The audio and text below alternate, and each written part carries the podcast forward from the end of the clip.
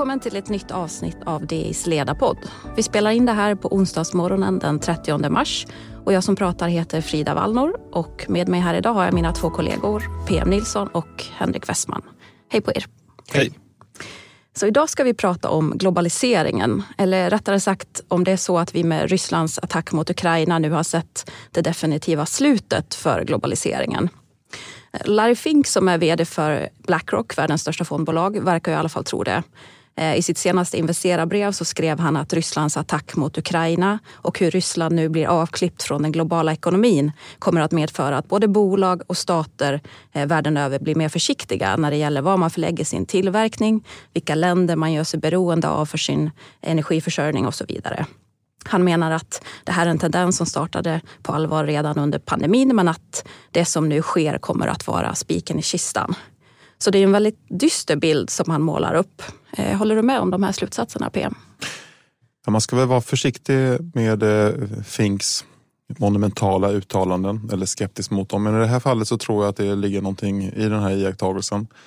Om man ser på hur det globala näringslivet, västbaserade kan man säga, eh, reagerade på Rysslands invasion av Ukraina så var det väldigt dramatiskt och inom loppet av några dagar så hade de flesta stora företag dragit slutsatsen att ett, man kan inte vara kvar i Ryssland. Två, vi kan inte längre exportera till Ryssland.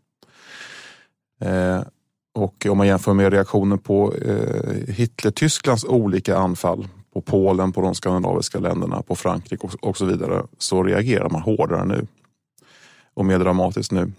Sen kan man säga att eh, man har ju inte slutat, i alla fall alla har ju inte slutat med eh, import av eh, fossila bränslen. Pikant nog. Eh, och Ryssland är en liten del av världsekonomin så det kostar inte så mycket att dra sig ur den. Men eh, om man ser ett scenario framför sig där eh, Kina på ett tydligt sätt teamar upp med Putin eh, och om kriget i eh, Ukraina fortsätter eh, att vara av det här vidriga slaget som vi har sett under våren, då finns det ju en risk att avskyn mot kriget i Ukraina riktas även mot Kina. Och att man kommer se samma typ av eh, avslutade eh, affärsförbindelser eh, av, av, politiska skäl. Mm. Och sen finns det ju en underliggande industriell logik som vi kommer in på senare eh, med Henrik eh, som understödjer det här. Eh, där det är billigare att producera numera i väst på grund av automationen. Priset på industrirobotar har fallit så mycket så att det går, det går att automatisera nästan all industri. Och sen finns det de här eh, globaliseringens avarter som vi har pratat om länge nu med eh, riskfyllda och komplicerade och knöliga leveranskedjor och brist på komponenter och Covidproblemen i Kina. De stänger ju ner jättelika städer på grund av en snuva och så vidare. och så vidare. Bara en uppföljningsfråga på det där. Eh, skillnaderna som vi såg mot Hitler-Tyskland under andra världskriget. Tror du att det beror på, alltså jag menar att bolag reagerar så pass mycket mer idag att alla bolagen sysslar med sina värdegrunder och hållbarhetssnacket och allting. Att det är helt oacceptabelt idag att vara förknippad med ett land som Ryssland. Ja, ja, både och. Jag tror att det främst beror på att eh, Tyskland då var den industriella liksom, stormakten i världen. Eh, så att om man ska jämföra eh, vad gäller ekonomi så är det Kina som är liksom testet på om vi orkar med att göra den här. Men, men det man kan se är ju hur fascinerande snabbt eh, man av varumärkesskäl, precis som du är inne på, ansåg att eh, det är fullständigt omöjligt att på något sätt förknippas med Ryssland. Vi har haft massa historier i tidningarna nu om eh, bolag som har eh, rys, ryska aktörer som ägare. Och alla tycker det är lika pinsamt. Eh, så, att, eh, så det finns någonting med liksom det moderna varumärkestänket som eh, gör det svårare nu att ha affärsrelationer med en väldigt aggressiv eh, makt. Så. Jag tycker det är en väldigt intressant aspekt, PM, just det här med hur företagen har agerat och reagerat. Och jag läste en intressant artikel i, i eh, Wall Street Journal just om detta att eh, många av de företag som har reagerat snabbast på Rysslands invasion av Ukraina och snabbast på att dra sig ur Ryssland, det är liksom företag som kanske inte ligger i framkant med med hållbarhet och som har högst hållbarhetspoäng i olika rankingar och så vidare. Och jag, det här är ju på något vis äkta hållbarhet. Det här är ju ett äkta engagemang som man som företag kan visa. Och det tycker jag visar också det här intressant att, att det är när det kommer till hållbarhet rätt mycket utanpåverk men en sån här situation visar att man kan göra skillnad. Och då tror jag det är ganska naturligt för väldigt många företagsledare att säga att det där är inte okej okay att tjäna pengar på eller ha någonting med att göra. Och, och det, det, det, finns liksom inte så mycket, mycket gråskalor. Och... och sen är det företag som har väldigt mycket pengar investerade i sitt varumärke. Ja, verkligen. Alltså typ Carlsberg. Det är en ganska enkel öl att göra. Ja. Eh, men varumärket är ju allt. eh, H&M likadant, eh, McDonalds likadant. Sådär. De känner, ups, det här går inte. Men så tycker jag en, en annan tendens som vi har sett som jag tror förstärker den här trenden är ju att stater uppmuntrar eh, bolag att komma hem. Som vi har sett som en effekt på den här krisen med halvledare så har vi ju både Biden-administrationen i USA och EU-kommissionen som har infört eh, väldigt tydliga satsningar på att man vill öka den inhemska produktionen av halvledare mm. som en effekt av, man har sett de här flaskhalsarna från eh, vad är det, Taiwan framförallt och i Asien där man producerar halvledare. Eh, och det är ju inga de, de eh, satsningarna man gör, det är ju ingenting som följer marknadsekonomiska spelregler utan här är det ju väldigt tydliga subventioner till inhemska bolag och så vidare. Och Biden-administrationen överlag har ju följt i Trump-administrationens eh, fotsteg när det gäller protektionism får man ju säga och behållit många av de här tullarna mot Kina bland annat. Och EU-kommissionen å sin sida har ju också vissa protektionistiska tendenser att man vill gärna eh, satsa på vissa utpekade eh, sektorer med, med batteritillverkning och halvledare och vätgas och annat. Så, att, så jag, min poäng är bara att det här är på något vis, det, det hamnar i en gro, alltså grogrunden är positiv för den här typen av tendenser. Mm. Har vi andra exempel? Nej, men det, är ju, det är ju det kusligaste scenariot egentligen. Eh, om, om pandemin, om det här kriget får, eh, får hela världsekonomin att bli mer vad ska man säga, introvert eh, och handla mindre. Att eh, man börjar säkra upp produktion själv och bete sig protektionistiskt för att jag, jag har tillgång till de här mineralerna och det tänker inte jag dela, dela med mig av. Eller, eller, eller just halvledare då som, som är ett slags, vad ska man säga, vår tids guld fast, mm. fast ännu viktigare. Du skrev om det här med, med transporter och försörjningskedjor. Jag tycker det är en viktig poäng också i det här att vi har sett sådana otroliga ökningar när det gäller kostnader för att transportera. Ja, men ja, det är ju jätteintressant för det är ju någonting som vi som konsumenter aldrig tänker på. Men under ett par decennier nu så har det ju utvecklats ett, ett fantastiskt väloljat maskineri där fullständigt enorma containerfartyg. Fartyg som kan ta över 20 000 containrar går i skytteltrafik mellan, ja, mellan Asien och, eh, och marknader i Europa och, eh, och USA. Eh, och det där har tagit, beroende på vart de ska, men 30 till 40 dagar. De har hållit sin tidtabell, de har lossat i Rotterdam eller Hamburg och där har det stått, stått mängder med trailers och lastat på och så har allting kommit ut till kunder eller som insatsvaror till fabriker precis i tid. Precis enligt beräkningarna, precis enligt det här just in time-tänkandet som har präglat produktion under så lång tid. Men, men nu så kom ju först pandemin och sen kom eh, invasionen av Ukraina och det har ju visat på bräckligheten i försörjningskedjorna.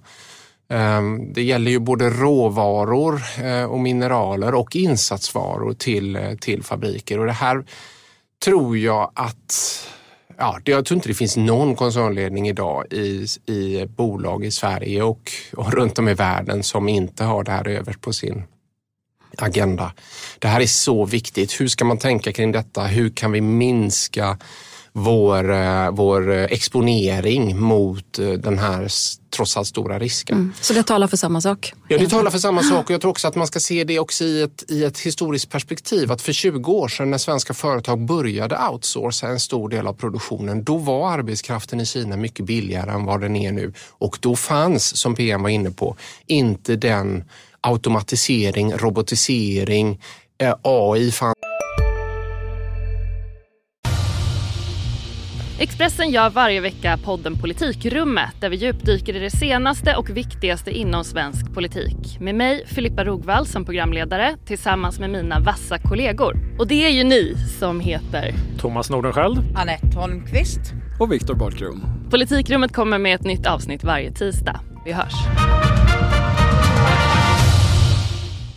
Har du också valt att bli egen?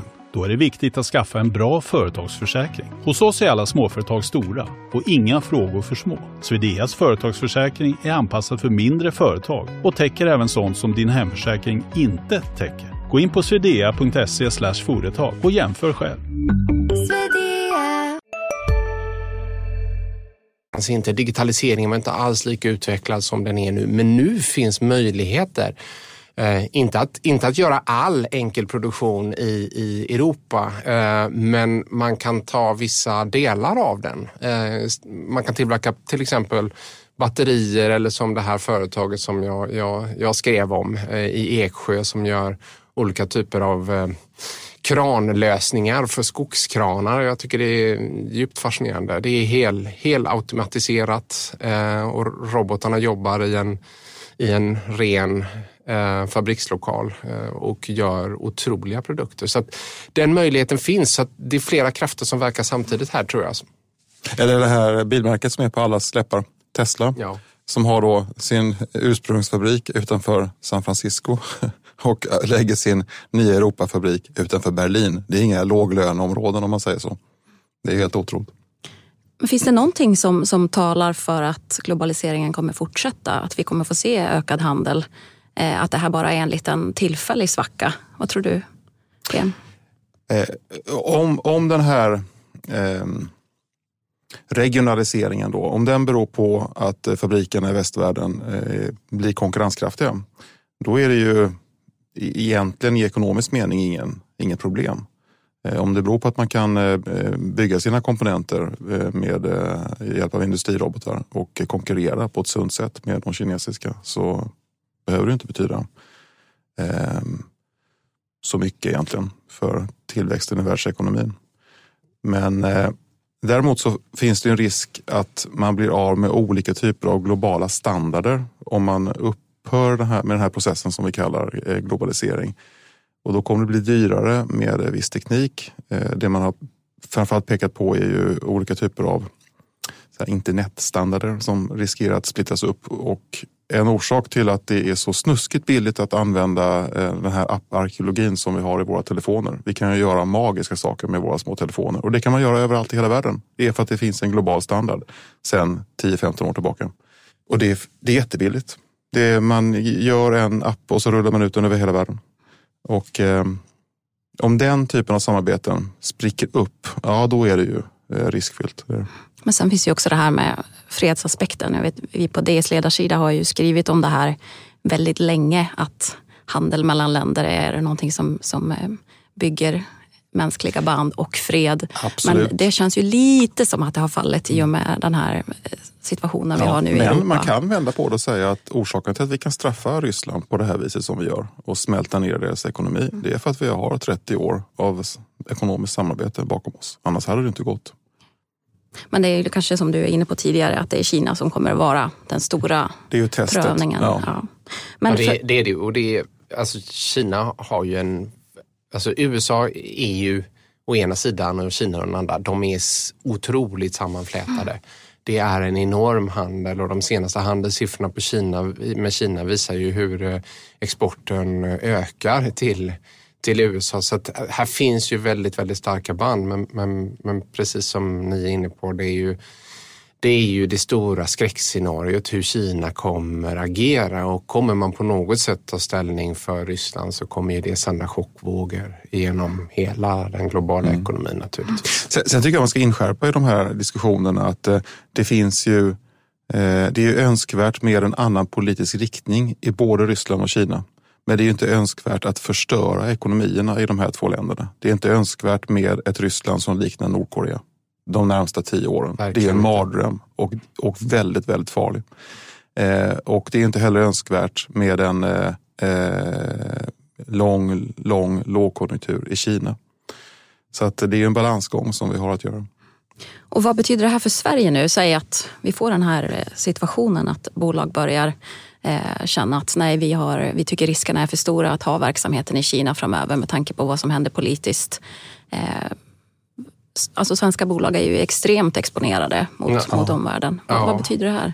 Ja, jag tror man får hålla isär där då, eh, exporten och, och importen. Men om man tittar på det här med eh, om företag vill säkra sina försörjningskedjor och därmed besluta sig för att flytta hem delar av produktionen. Det, det, det tror jag skulle kunna vara, vara positivt. Vi har ju flera sådana kluster redan i Sverige idag.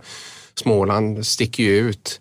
Eh, men vi har ju hela det här som sker i, i norr också med eh, satsningarna där uppe på både stål och, och stål och batterier. Så att jag, jag tror förutsättningarna finns. Den trånga sektorn för Sveriges del om det här skulle ske i större skala, det är ju arbetskraften. Att ha tillgång till utbildad arbetskraft. För det är inte vem som helst som kan stå vid en sån här eh, robot. Eh, att styra den, att övervaka den. Det här, det, här kräver, eh, det här kräver en utbildad arbetskraft som Sverige kanske idag inte har. Så att där måste man ju verkligen satsa lång, långsiktigt. Exportmässigt eh, tror jag inte att det behöver egentligen betyda så mycket. Det viktiga, alltså svenska företag är i, i hela världen. En stor del av produktionen ligger ganska nära marknaden också. Så det viktiga för dem är ju att säkra insatsvarorna till där produktionen är. Men, men jag, jag tror verkligen att vi kommer se det eh, och det kommer vara en trend nu under flera år att minska risken av en väldigt lång uttänd försörjningskedja som väldigt, väldigt lätt kan störas ut av en pandemi eller ett krig. Mm. Nu har vi ju Ericsson som ett väldigt färskt exempel här när, där krisen Eh, har sin grund ju i en, en, en händelse i Irak. Eh, och det finns ju de som tror att det som har, det som har skett nu kan, kan innebära att, att Ericsson får för sig att flytta hem verksamheten eftersom man bedömer att riskerna att ha verksamheter i den här typen av länder är för stora. Eh, hur ser du på det, Henrik?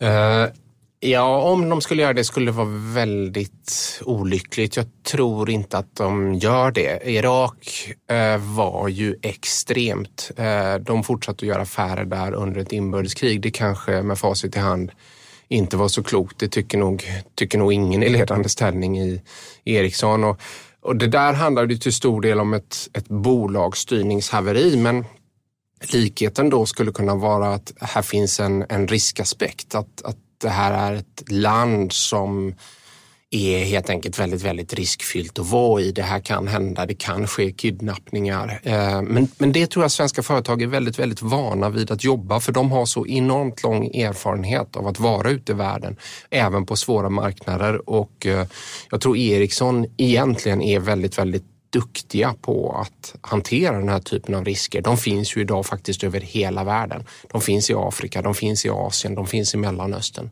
Så att, um, jag tror kanske inte att just det exemplet behöver betyda så mycket. Eh, jag tror det är mycket viktigare med, med försörjningskedjorna eh, som vi verkligen ser störningar av. Men PM, det här som vi har varit inne på tidigare om vad som händer i länder där väst drar sig tillbaka. Vi, exempelvis när vi har pratat om Baltikum och huruvida eh, svenska banker ska vara där eller inte. Eh, och Afghanistan till exempel, där vi har sett när väst har dragit sig tillbaka så har kinesiska aktörer till exempel eh, satt klorna i, i eh, råvaror och annat i det landet. Hur, hur ska vi se på det här? Liksom? Ska, ska Ja, er- din- jämförelse med Baltikum är ju bra. Det, det hade ju Swedbank liknande eh, problem då om de svenska bankerna hade dragit slutsatsen att det här går inte, att- det går inte att vara här. Vi tvättar pengar hur vi än gör. Så hade ju ryska banker kommit hit direkt. Och eh, eh, de baltiska staternas förankring i väst hade minskat. Så det, det är ju det är verkligen inte bra. Och om man eh, om svenska bolag, finska bolag, sydkoreanska bolag drar sig undan från problematiska områden, då är det rimligen kinesiska bolag som tar allt. Det kanske inte gör så mycket så länge Afghanistan eh, styrs av talibaner och eh, Irak på ett tvivelaktigt sätt. Men vem vet, det kanske går bra så småningom för de här länderna och då är det Kina som äger dem. Så att säga. Så det här är en form av eh, världspolis inom ekonomi som, som Sverige, som det finns ett behov av som, som Sverige har, har tagit tidigare i alla fall och tänker på motsvarande sätt som det diskuteras nu i USA angående deras roll i, i, i världen. Sen är det ju någonting med, med det amerikanska justitiedepartementet och dess roll som tål att diskuteras tycker jag. Eh, den, den är, det är ju märkligt och sen är det ju i en övergripande mening moraliskt tvivelaktigt att USA av alla länder ska ha den här typen av synpunkter på vad man gör och inte gör i Irak. Mm, håller helt med. Men vi blir tvungna att sätta punkt där. Eh, men DS ledarpodd är tillbaka igen nästa vecka med ett nytt avsnitt. Tack så mycket Henrik, tack PM och tack för att ni har lyssnat. Ansvarig utgivare är Peter Fällman.